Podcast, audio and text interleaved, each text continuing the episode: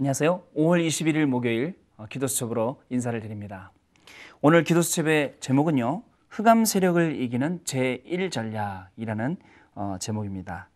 우리 먼저 하나님 말씀 보도록 하겠습니다. 빌립보서 1장이고요.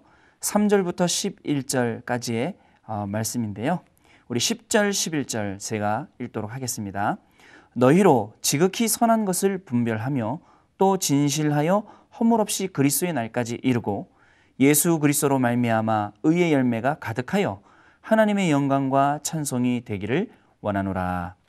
첫사람인 아담과 하와를 속인 흑암 세력은 어, 지금도 분명히 존재하고 있습니다. 이 흑암 세력은 지금도 복음 운동, 전도 운동이 일어나지 못하도록 복음을 가진 성도와 교회를 속이며 또 그걸 넘어서서 공격까지 하고 있습니다. 많은 교회와 성도가 이 사실을 놓치고 어, 작은 일에 갈등을 하고 또 시험과 싸움에 빠져 있는 것을 종종 보게 됩니다. 복음을 가진 우리가 흑암 세력을 이기려면 가장 먼저 해야 될 것이 무엇일까요? 오늘요, 우리는 아, 흑암 세력이, 사단의 세력이 우리를 이렇게 속이고 있구나. 별거 아닌 것 같고 정말 많은 잘, 이 문제들을 일으키게 하고 또 어, 그런 통로를 쓰고 있다는 쓰고 있구나라는 사실을 어, 좀 정확히 보고 또 이것을 좀 어, 과감하게 그리스도 이름으로 꺾을 수 있는 어, 그런 시간이 어, 되야겠습니다. 처음부터 속어, 속여왔던 이 흑암 세력, 이 사탄의 세력은요, 지금도 우리를 이 시간에도 우리를 여러 가지 모양으로 속이고 있습니다. 그러나 걱정하지 말 것은 문제가 와도 그 문제나 그 문제가 우리를 덮치지 못합니다. 환경 속에 많은 어려움이 있어도 그 어려움이 우리를 덮을 수가 없습니다. 왜냐? 바로 여러분들 그리고 저와 여러분은 랩넌티요. 이 시대를 살릴 전도자요. 또 앞으로 RUTC를 통해서 많은 응답들을 OMC를 통해서 많은 경제 응답들 이런 것들을 받아야 할 사람이기 때문에 우리는 절대 무너질 수가 없습니다. 오늘 정말 바른 눈을 뜨고 영적인 눈을 제대로 딱 뜨고 하나님이 우리에게 주신 이 힘, 이 권세를 힘입어서 모든 흑암 세력과 딱 싸워서 이기는 그런 시간이 되야겠습니다. 첫 번째 흑암 세력을 이기는 제1전략입니다. 가장 먼저 본문의 6절 말씀을 보면 모든 성도에게 하나님의 계획이 있다고 합니다. 이것을 깨닫게 되면 모든 갈등과 시험, 싸움을 넘어서게 되고 흑암 세력에 속지 않습니다. 그렇습니다. 분명히 우리는 하나님의 계획 속에 있는 사람입니다. 어, 일이 조금 잘 안 돼요. 조금 어려워. 그래도 괜찮습니다. 하나님의 계획 속에 있기 때문에 조금 안 되는 것은 아주 안 되는 것이 아닙니다. 잠깐의 고통, 잠깐의 어려움은 앞으로 우리를 크게 큰 그릇으로 만들려는 하나님의 분명한 계획입니다. 오늘 하나님의 계획 가운데 딱 서서 흔들리지 않는 귀한 축복을 누리게 되길 바랍니다. 둘째, 나와 다른 사람과 다른 주장에도 하나님의 더 큰 계획이 숨겨져 있음을 알아야 합니다. 그 사람의 입장에서 보면 이해하기 쉬워집니다. 그렇습니다. 성경에 보니까 복음 가지고 확실한 그리스도의 언약을 붙잡았던 모든 사람들은 전부 다 양보했습니다. 왜? 진짜 중요한 건 그게 아니기 때문에 눈에 안 보, 눈에 보이는 이 서론적인 것들은 전부 다다 양보하고 딱 하나님 주시는 중요한 것들을 딱 붙잡은 것을 볼 수가 있는데요. 그렇습니다. 오늘 모든 인간관계 속에서도 하나님이 주시는 최고의 축복을 누리게 되는 아, 그런 귀한 하루가 되길 바랍니다. 셋째, 모든 문제는 문제로 보지 말고 축복으로 보아야 합니다. 성경의 일곱 명의 렘넌트와 초대교회의 바울이 대표적인 인물입니다. 그렇습니다. 문제는 절대 문제가 될 수 없습니다. 그리고 문제라면 분명히 답이 있습니다.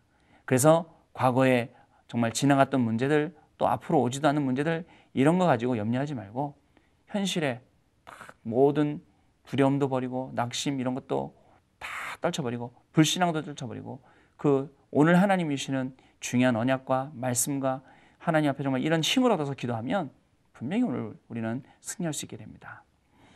마지막으로 교회 안에서 모든 성도가 함께 이해하고 하나 되는 것과 모든 중직자들이 힘을 얻을 때까지 기다리는 것이 흑암 세력을 이기는 제1전략입니다. 그렇습니다. 우리 랩런트들 좀 나이가 어리, 어리더라도 교회 안에서 우리 중직자님들하고 같이 대화도 해보고 또 소통도 해보고 아, 또 장로님들에게 또 집사님들이 권사님들에게 저는 이런 기도, 이런 기도 제목이 있습니다. 라고 기도 부탁도 해보고 또 여러 가지 좀 그런 눈을 뜨고 준비하는 게 너무너무 좋을 것 같습니다. 왜냐? 교회가요. 저 랩런트부터 중직자까지 또 목회자까지 다 하나 될 때에 정말 엄청난 응답들이 분명히 오게 되어 있습니다.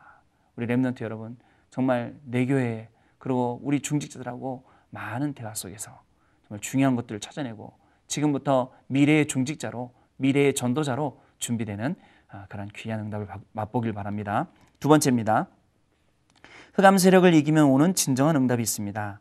모든 사람에게 하나님의 계획이 있음을 진정으로 안다면 이때부터 하나님의 응답이 시작되고 모든 사람에 대한 진정한 기도 제목이 나오게 됩니다. 우리 랩런트들하고 조금 포럼을 했는데 그 기도 속에서 랩런트라고 전도 대상자 놓고 전도 기도 하고 오늘의 말씀, 오늘의 기도, 오늘의 전도 찾기만 했는데 정말 놀라운 응답들이 일어나는 것을 볼 수가 있습니다. 우리 어, 랩런트들이 정말 하나님의 계획이 내 주변에 있는 친구들에게도 있고 또 그 친구들을 위해서 진정한 기도 제목을 찾아서 기도하게 된다면 정말 많은 사실적인 응답들을 받을 수 있게 됩니다. 바울은요 모든 성도에 대한 하나님의 계획을 보고 한 사람 한 사람을 향한 기도 제목을 발견하며 감사했던 것을 볼 수가 있습니다. 사람을 향한 하나님의 계획을 발견하면 놀라운 일이 벌어집니다. 이때부터 교회가 힘을 얻고 초대교회가 체험했던 하나님의 큰 역사가 분명히 일어나게 되는 것입니다. 이때 전도 운동을 제대로 할 디모데와 같은 제자들이 교회 안에서 일어나게 되고 로마서 16장의 일꾼들처럼 세계복음화에 필요한 경제를 책임질 사람들이 일어나게 되는 것입니다. 우리가 진정 복음을 깨닫고 전도 운동을 한다면 하나님께서 경제적인 것도 분명히 해결하게 되시는 것입니다. 그렇습니다. 여러분 오늘도 여러분 옆에 있는 여러분 주변에 있는 한 사람 한 사람에 대한 하나님의 계획과 기도의 제목을 발견해 보시길 바랍니다. 그러면 그 속에 하나님의 엄청난 계획이 있음을 분명히 알리고 또 그 응답을 통해서 다른 많은 응답들이 연결되어지고 또 다른 많은 전도의 문들이 같이 이렇게 연결되어서 열린다는 것을 분명히 알게 될 것입니다. 초대교회와 바울이 누렸던 것처럼 그러한 귀한 한 사람 한 사람을 향한 기도의 제목을 잡고 기도하면서 응답을 누리는 이 일들이 오늘 저와 여러분에게 새롭게 시작되고 이 일을 통해서 현장을 제대로 보고 정말 그 현장을 살리게 되는 중요한 응답들이 넘쳐나게 되기를 분명히 바랍니다. 오늘 포럼의 주제입니다. 내 주위에 있는 모든 사람들, 교회 안에 있는 모든 성도, 특히 목사님과 중직자들에 대한 하나님의 계획을 생각해 보시고요. 그리고 나의 모든 일과 인간관계 속에서 하나님의 계획이 무엇인지 묵상을 해 보세요. 그렇습니다.